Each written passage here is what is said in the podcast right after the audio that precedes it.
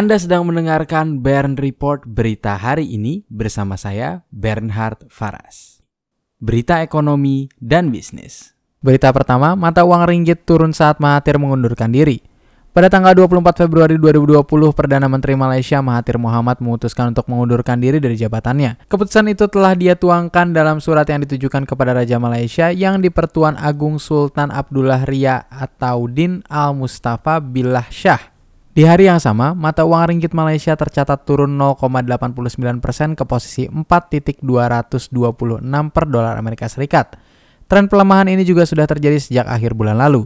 Berita kedua, Kadin menyebut Indonesia tetap dapat fasilitas bea masuk Amerika Serikat. Kamar Dagang dan Industri Indonesia atau yang biasa disebut Kadin menyatakan status Indonesia yang naik menjadi negara maju belum berdampak pada Generalized System of Preference atau yang biasa disebut GSP yang diberikan oleh Amerika Serikat. Saat dikonfirmasi Kadin, Pihak Amerika Serikat menyatakan perubahan tersebut hanya berdampak pada status di World Trade Organization sehingga Indonesia tetap dapat fasilitas bea masuk ke Amerika Serikat. Berita ketiga, Erick Thohir dorong Krakatau Steel jadi induk usaha investasi baja.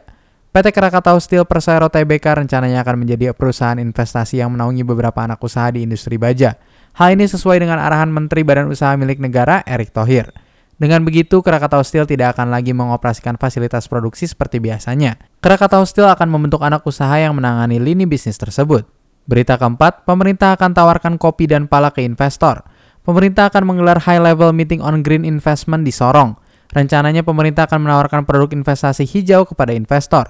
Menteri Koordinator Kemaritiman dan Investasi Luhut Binsar Panjaitan menjelaskan produk investasi hijau yang ditawarkan ke investor meliputi pembangkit listrik tenaga air dan komoditas perkebunan yang mendukung keberlangsungan alam seperti kopi, pala, coklat, dan lain-lain. Berita kelima, Pertamina Aramco finalkan pengembang kilang Cilacap bulan depan. Direktur Utama PT Pertamina Persero, Nike Widiawati, menyebut kesepakatan pengembangan mega proyek Refinery Development Master Plan di Cilacap dengan Saudi Aramco akan diputuskan pada akhir bulan Maret 2020.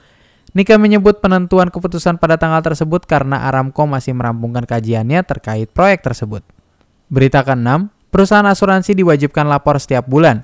Otoritas Jasa Keuangan atau yang biasa disebut OJK saat ini terus melakukan reformasi di industri keuangan non-bank atau yang biasa disebut IKNB. Perlakuan pengawasan untuk sejumlah IKNB seperti perusahaan asuransi akan diperketat. Perusahaan asuransi diberi kewajiban menyampaikan laporan lengkap dari mulai neraca, laba rugi, sampai portfolio investasi setiap satu bulan sekali. Sebelumnya, OJK hanya mewajibkan perusahaan asuransi menyerahkan laporan lengkap setiap satu bulan. Untuk teks dan sumber berita selengkapnya dapat Anda lihat di website www.bernhardfaras.com. Terima kasih sudah mendengarkan Bern Report berita hari ini. Jangan lupa untuk membagikan kanal ini kepada kerabat Anda, Tekan tombol like dan subscribe untuk mendapatkan kabar terkini setiap pagi dari hari Senin hingga hari Jumat pada pukul 6.30 waktu Indonesia Barat. Saya Bernhard Faras pamit undur diri. Semangat selalu dalam menjalani hari ini.